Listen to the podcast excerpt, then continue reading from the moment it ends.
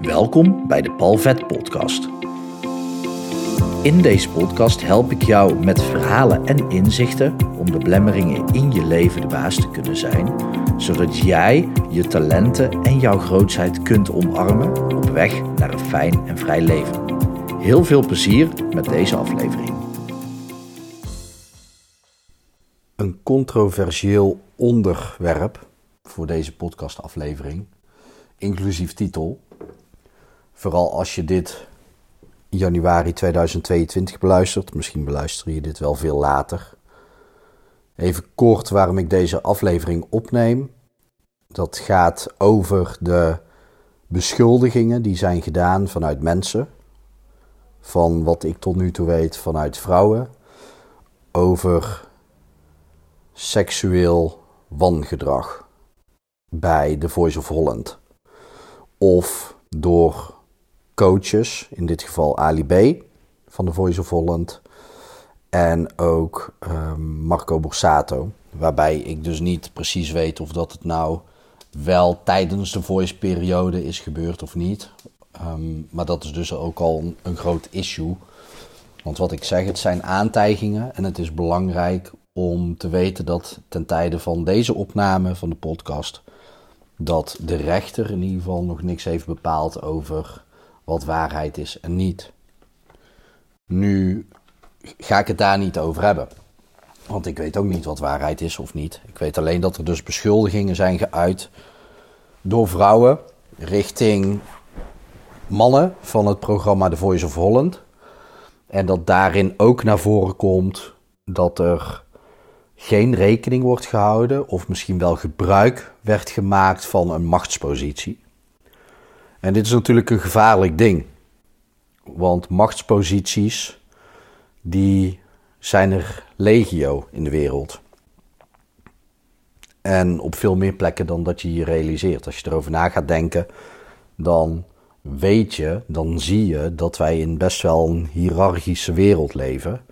Waarbij je dus kunt zeggen dat hoe hoger in de hiërarchie je staat, dat je meer macht zou hebben. Dat is de uitspraak. Ik zeg niet dat dat zo is en al helemaal niet dat we dat zo moeten doen, want daar wil ik het over hebben.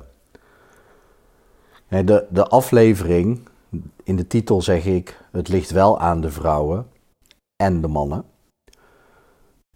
Het is allebei. En dat is eigenlijk een reactie op dat John de Mol, de eigenaar van Talpa, die heeft in een interview gezegd dat vrouwen meer moeten praten en sneller ermee moeten komen. En vanuit daar is er een reactie gekomen door de vrouwen van het bedrijf, van zijn bedrijf, die zeggen: Beste John, het ligt niet aan de vrouwen. Groetjes, je medewerkers. Iets in die trant. En er zijn meerdere dingen aan de hand en het probleem ligt vele malen dieper. En het probleem is dat we het over een symptoom hebben in plaats van over het dieper liggende probleem. En ja, dan kun je zeggen het ligt niet aan de vrouw of het ligt wel aan de vrouw of het ligt aan de mannen en het ligt niet aan de mannen. En dan heb ik het niet over een exact strafbaar feit. Op dit moment is dat nog niet bewezen en daar heb ik het helemaal niet over. En al helemaal niet over of dat um, uh, het aan een vrouw ligt die verkracht is. Dat, dat is. Daar ga ik het totaal niet over hebben. Dat, dat staat helemaal buiten deze aflevering. Waarbij ik dus niet zeg dat het een waar is of het ander waar is, voordat ik daarin verkeerd uitgelegd kan worden. Ik laat dat er gewoon buiten, buiten heel deze discussie. Ik wil namelijk over dieperliggende dingen hebben. En John zegt, John de Mol, die zegt: vrouwen moeten er eerder mee komen, die moeten eerder praten. Nou ga ik ervan uit dat hij bedoelt na het voorval. En ja, daar heeft hij een punt. Waarmee ik dus niet zeg dat het verkeerd is of heel slecht is dat het niet meteen is gedaan. Maar op dat punt, op het punt van nu, zou je kunnen zeggen, ja, was er eerder meegekomen, hadden we er eerder actie op kunnen ondernemen. Ik zou zeggen, zodra er ook maar iets in die trant plaatsvindt, dan zou je het al moeten zeggen als vrouw. Als er al zoiets gebeurt, dan zou je ook kunnen zeggen, oké, de man die is daar eerder mee met dat gedrag. Want ik, ik heb nu bijvoorbeeld niet over een, een daad, een fysiek iets, maar meer het uitspreken. Op het moment als er al woorden worden uitgesproken, dan gaat er al iets niet goed. Ofwel bij de man, ofwel bij de vrouw. Maar dat is een heel moeilijk concept. Want wanneer is iets seksueel bedoeld en wanneer niet? Als je echt seks probeert te schrappen uit de maatschappij, dat is nagenoeg onmogelijk. Omdat dat in ons systeem, in onze natuur zit. Dat is gebaseerd op seks en macht en leider en volgen en voortplanting. Dat zit er ingebakken. Dus het is heel lastig om te zeggen van ja, mag een compliment geven dan al niet? Nu is een compliment geven wel iets totaal anders als hey, ik wil seks met jou. Dat is totaal. Je zou het ook als compliment kunnen zien. Uh, ligt eraan wie het zegt natuurlijk. Maar dat, terzijde, dat, dan ga je een grens over als je dat zomaar tegen iemand zegt in het, in het openbaar. Tegen een willekeurig iemand, hé, hey, ik wil seks met jou. Het gaat erom dat er hier twee dingen aan de hand zijn. Eén ding is weerbereid. Hoe sterk is iemand? En kijk, nu hebben ik ga even iets, iets concreter worden. Er wordt bijvoorbeeld gezegd, oké, er wordt gedrag vertoond, woorden uitgesproken, maar ook aan billen gezeten bijvoorbeeld. En dan wordt er uitgelegd, oké, iemand durft er niks over te zeggen, omdat dat schadelijk kan zijn voor de carrière van diegene. Nogmaals, ik hou het gedrag even buiten wat ik nu aan het uitleggen ben. Want over het gedrag, dan heb je een andere discussie. Wat is goed, wat is fout? Ongewild aan iemands billen zitten is fout. Hoe weet je of dat het ongewild is? Dan moet je daarover praten. Als dat niet is gebeurd, kun je dan zeker weten of dat het ongewild is. Dat is lastig. Dat is echt een lastig ding. Dat kan je niet zo zwart-wit zeggen. Ja, als je boos bent over iets wat jou is aangedaan, dan zal je eerder zeggen: nee, dat is sowieso fout. Maar op het moment als je aan het vluchten bent met iemand, of je staat op de dansvloer met iemand en je bent al een tijdje aan het dansen met iemand en die zakt met de handen naar beneden naar de billen, mag het dan wel? Waar ligt die grens? Dat is heel moeilijk, vandaar dat ik dat echt erbuiten laat. Het gaat erover dat iemand de woorden uitspreekt: het, het zou schadelijk kunnen zijn voor mijn carrière om daar iets van te zeggen. Allereerst betekent dat dat jij je carrière belangrijker vindt dan je eigen waarde. Nou zeg ik niet dat dat slecht is. Maar op het moment als dat een reden is, dan moet je daar ook rekening mee houden dat dat de keuze is. Dat jij het op dat moment belangrijker vindt om carrière te maken dan om voor jezelf op te komen. En dat komt ergens vandaan. Hè? Dat, dat is het dieperliggende. Dat komt weer ergens vandaan. Ook de overtuiging hebben dat iets je carrière kan schaden als je daar iets van zegt. Dat is allemaal echt zo lastig. Kijk, waar het om gaat is. Eén is dit stuk, hè. Op het moment dat je uitspreekt, spreek je alsjeblieft van tevoren uit. Zodra het maar de verkeerde kant op lijkt te gaan, spreek je uit. Of dat je nou een man of een vrouw bent, spreek je gewoon uit dat je iets niet fijn vindt. Dat geldt voor mannen, geldt voor vrouwen, geldt voor alle mensen. Zodat het niet zo ver komt of hoeft te komen. Gebeurt het dan niet, dat zeg ik niet, maar spreek je alsjeblieft uit voordat het gebeurt, in plaats van dat John zegt, had achteraf maar gekomen. Want daar zit dus een dieper liggend probleem. En dat heeft met macht te maken. En dat doen ook alle mannen en vrouwen. Wij geven mensen die macht hebben een verkeerde plek. Hoe een hiërarchie namelijk opgebouwd is in de hele maatschappij, is dat we zeggen: oké, de directeur staat boven iedereen. Ik zeg dat is falikant fout. Een directeur hoort onderop te staan. Die hoort namelijk het hele bedrijf te dragen. En je kan alleen een bedrijf dragen als je ergens onder staat. Je kan niet van bovenaf iets dragen. Ja, dan hang je zelf ergens aan. Dat werkt ook niet. Dus als jij iets onder je neemt, hè, jij neemt het bedrijf op je, je, je staat daaronder en jij gaat het bedrijf dragen. En dan moet je gewoon alles daarboven in balans houden. En veilig houden en goed houden. Want op het moment als daar iets uit balans gaat, dan flikkert het hele bedrijf om. En dat is hoe wij managers en directeuren weg moeten zetten. als je naar een bedrijf gaat kijken van directeur tot helemaal de buitenste laag. Nou, ik heb zelf op de klantenservice gewerkt ooit. Dat is dan vaak de buitenste laag. En niet de enige, maar wel een buitenste laag. De directeur hoort onderop en de klantenservice medewerker bovenop. Dat is hoe het hoort te zijn. En zo hoort die piramide te zijn, met de punt naar beneden. En die directeur die draagt alles. Die moet dus heel erg goed zorg dragen voor die bovenste laag. Want als daar ook maar iets scheef gaat, dan valt het bedrijf veel makkelijker om dan wanneer het andersom is. Natuurlijk moet die directeur ook voor zichzelf zorgen, want anders valt het bedrijf ook om. Maar dit is het ding. Een directeur heeft precies zoveel macht als dat een directeur wordt gegeven. En daar doen we allemaal aan mee. Als een directeur grensoverschrijdend overschrijdend gedrag toont, uit, laat zien, wat het ook is, op, in welke vorm dan ook, of dat het nou iets is wat niet mag volgens de wet op het gebied van geld, op het gebied van uh, seksuele, seksueel gedrag, op wat voor gebied dan ook, op het gebied van dronken achter het stuur kruipen. Het maakt niet uit, daar moet hij op aangesproken worden.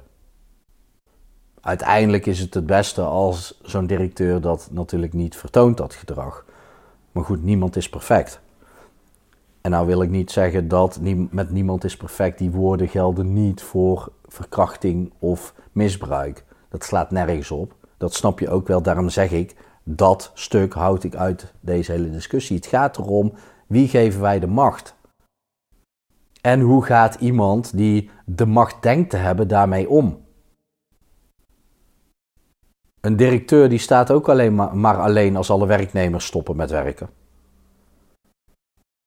Maar het lijkt erop alsof wij in alle bedrijven dat hebben, zo hebben gebouwd. Het gaat erom dat toen ik teammanager was binnen KPN, heb ik een programma gedraaid, een, een pilot, een project, om te kijken van oké, hoe kan ik de medewerkerstevredenheid laten stijgen, zodat het gevolg is dat de klanttevredenheid stijgt. Daar heb ik een project voor gedraaid, programma gedraaid.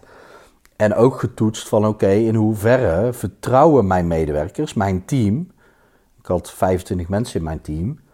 In hoeverre vertrouwen ze mij met het mededelen van dingen die ze dwars zitten. In het begin van de pilot kreeg ik daar een 9,2 voor, van tot de 10. schaal van 0 tot 10. Wat al echt heel hoog is. Dat is echt al heel hoog. Zes weken pilot gedraaid en dat vertrouwen was gestegen naar 9,8. En dat kan gewoon door een omgeving van veiligheid en vertrouwen te creëren. Een omgeving van veiligheid en vertrouwen. Niet alleen veiligheid, dus ook vertrouwen. Het een kan niet zonder het ander. Heb je alleen veiligheid, dan richt je op het beschermen van dingen, terwijl je juist verantwoordelijkheid moet geven aan mensen. Mensen moeten, voordat er ook maar ergens iets gaat wringen, al naar mij toe kunnen komen en zeggen: hé, hey, ik merk dat dit de verkeerde kant op gaat. Dat is vertrouwen. En dat is veel veiliger dan veiligheid inbouwen. Veiligheid inbouwen doe je alleen voor zwakke mensen, om het even grof te zeggen. Dus het gaat om veiligheid en vertrouwen. Maar wat hier dus ook nog in zit, binnen dat programma, zes weken nadien hebben we dat gemeten, van een 9.2 naar een 9.8. Daar zit nog steeds 0.2 in waarin ze mij niet vertrouwden. 0.2. En wat is dat dan? Waar vertrouwen ze mij niet in? En nu kan het van alles zijn. Heel logisch, ik heb daar wel wat gesprekken over gevoerd met mensen die zonder dat ze dan exact zeiden wat ze niet wilden zeggen, maar wel met z'n allen wat onderwerpen konden aangeven. Ja, ik zat bijvoorbeeld met een team, ehm, ik, het was een klantenservice, met veel vrouwen erin. Ja, die gaan niet hun vrouwelijke problemen zomaar met mij delen. Dat hoeft ook helemaal niet met de manager, dat valt daar helemaal buiten. En dan met vrouwelijke problemen bedoel ik problemen op lichamelijk, fysiek gebied. Niet problemen waarvan we denken dat vrouwen die bijvoorbeeld alleen maar mentaal of in gedrag kunnen hebben ten opzichte van mannen. Want dat is gewoon gelijkwaardig aan elkaar. Dus het is wel verklaarbaar, maar toch moet je daar als manager rekening mee houden dat niet zomaar alles uitgesproken kan worden. Maar zolang je als manager of als directeur of wie dan ook in wat voor programma rekening mee houdt dat jij degene bent die voor veiligheid en vertrouwen moet zorgen in de cultuur in het bedrijf, dan krijg je een hele andere kijk op dingen. Dan ga jij als manager je anders opstellen, maar het personeel of de mensen waarvan je dus zegt onder jou, eigenlijk moet je als directeur zeggen de mensen boven jou, ja, die moeten ook op een bepaalde manier met jou kunnen communiceren. En dan kan je natuurlijk wel zeggen, ja, er is natuurlijk ook macht, want de directeur kan een contract afpakken. Daarom is het belangrijk dat er veiligheid en vertrouwen wordt geuit, dat dat losstaat van de communicatie. Een medewerker moet 100% kunnen zeggen waar dat hij zich niet fijn bij voelt, of niet veilig bij voelt, of het niet mee eens is. Dat moet losstaan van de baan of van de kans die iemand krijgt. En het nadeel is dat we dat altijd zo gaan mixen met elkaar. We gaan kansen, banen, geld, gaan we allemaal mixen met het stukje relatie. Dat moet je in je eigen relatie ook niet doen. Dat slaat nergens op. Als je um, aan het bakkeleien bent over hoe een keuken eruit komt te zien, ja, dat gebakkelei moet je niet mee de slaapkamer innemen. Dat gebakkelei moet je ook niet meenemen op het moment als je het dan even over geld gaat hebben. Dat slaat nergens op. Dat staat allemaal los van elkaar. En dat is uitermate belangrijk. Dus waar het om gaat is dat wij met z'n allen eens gaan begrijpen dat directeuren, managers, dat die onderop staan. En dat zij ervoor hebben te zorgen dat er veiligheid en vertrouwen is aan de ene kant. Dus dat is stap 1. En niet zozeer in volgorde, maar dat is één van de stappen. De andere stap is dat je zelf weerbaar wordt. En dan bedoel ik niet sterk of agressief, dat je kan vechten. Nee, weerbaar in de zin van: ik sta achter wie ik ben. Dit zijn mijn waarden. En als iemand daar ook maar op wat voor manier aan durft te komen, dan ga ik daar iets aan doen. Dan ga ik daar iets van zeggen. En het is die wisselwerking. Hè? Stap 1, super belangrijk. En dan kan stap 2 veel makkelijker. Maar het is wel aan elk persoon zelf om sterk in de schoenen te staan, om niet afhankelijk te worden van anderen. Het gaat erom dat je zelf, dat geldt dus voor die managers, maar dat geldt ook voor al het andere personeel, eigenaarschap neemt, verantwoordelijkheid neemt voor hey, dit is waar ik voor sta en zo ga ik met mensen om en ik verwacht dat jij zo ook met mij omgaat. En op het moment dat we daar veel meer naar gaan kijken en we kunnen ervoor zorgen dat de machtsstructuren eindelijk eens doorhebben dat ze omgedraaid werken, en in sommige bedrijven werkt dat zo. Dat de directeur beneden staat en die draagt het hele bedrijf. Die draagt al het personeel. En die snapt dat als een personeelslid het zwaar heeft in het bedrijf, dat dat zwaar op de directeur drukt en niet andersom. Dan krijgen we veel meer rust en veiligheid, vertrouwen, ook kansen om weerbaarheid en kracht te ontwikkelen, zelfvertrouwen te creëren binnen de bedrijfsstructuren, binnen alle structuren, ook familiesystemen. Binnen elk systeem creëer je op die manier veiligheid en vertrouwen. En ja, dat heeft ermee te maken dat mensen die tussen aanhalingstekens macht lijken te hebben, daar iets mee doen. Daar echt naar gaan kijken van hé, hey, oké, mijn acties of hoe ik het bedrijf leid heeft gewoon grote invloed op de hele cultuur binnen het bedrijf. het is ook de taak van iemand die dus een managementfunctie heeft of een, een, leider is, die zichzelf een leider noemt, dat de mensen die hij in zijn team heeft zitten, die, dus, die hij dus draagt, hè, die, die, die hij dus allemaal op zich neemt, dat die zich veilig en vertrouwd genoeg voelen om zichzelf te blijven ontwikkelen. En dat is ook de taak van al die individuen zelf. Dat ze zelf draagkracht ontwikkelen, dat ze zelf sterk in hun schoenen staan en dat ze zelf weerbaar worden voor het leven. En als er dan een keer een complimentje komt, wat misschien over de grens lijkt te gaan, dat er meteen iets van wordt gezegd, dat er niet iets verder gaat, dat dat niet kan. En dan kunnen we veel vrijer met elkaar omgaan. En ballen we dit soort situaties dan helemaal uit? Nee, maar dan pakken we het wel op een dieper niveau aan. En nogmaals, ik blijf er dus buiten bij welke daad mag wel welke daad mag niet, want dat is echt een glijdende schaal. Dat begint al bij het geven van complimentjes, maar dat begint misschien, misschien daarvoor al bij het kijken naar elkaar. Hoe ga je met elkaar om? Wat is de energie tussen elkaar? Hè, wat doe jij? Wat doet de ander? Hoe, hoe is die dynamiek onderling?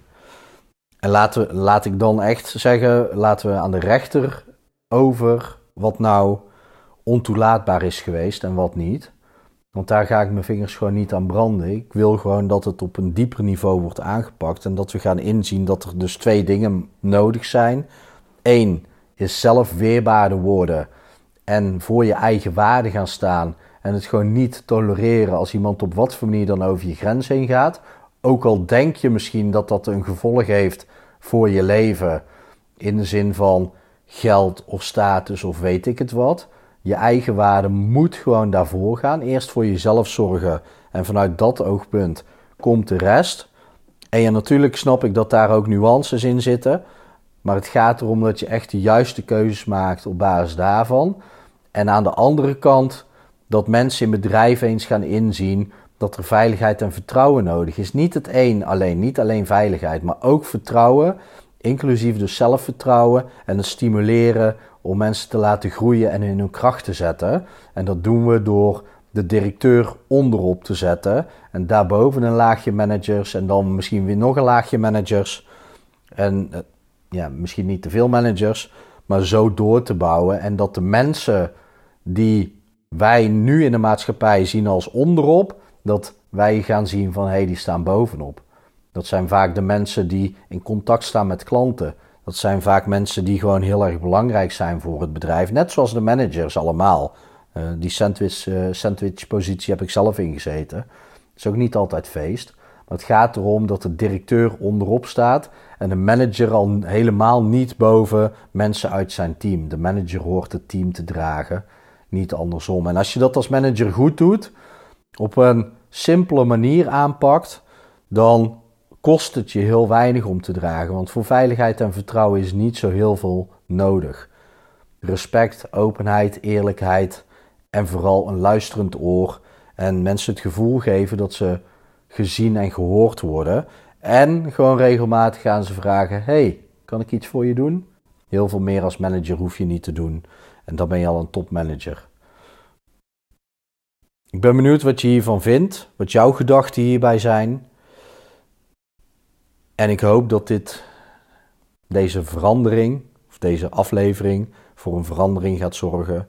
In ook jouw zienswijze over hoe jij als leidinggevende misschien wel richting jouw team beweegt en opereert.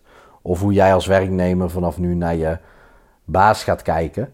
Misschien moet je hem dan niet baas noemen, maar leidinggevende of manager. Wat voor rol die ook heeft. Ja, op het moment als iemand een leidinggevende functie heeft, zie hem dan maar als dat hij onder jou staat. Gelijkwaardig, dat kan. Dat klinkt fantastisch. Maar dat is een utopie, omdat er gewoon wel structuren zijn. En laten we eerst eens beginnen met de piramide omdraaien en de directeur beneden te zetten.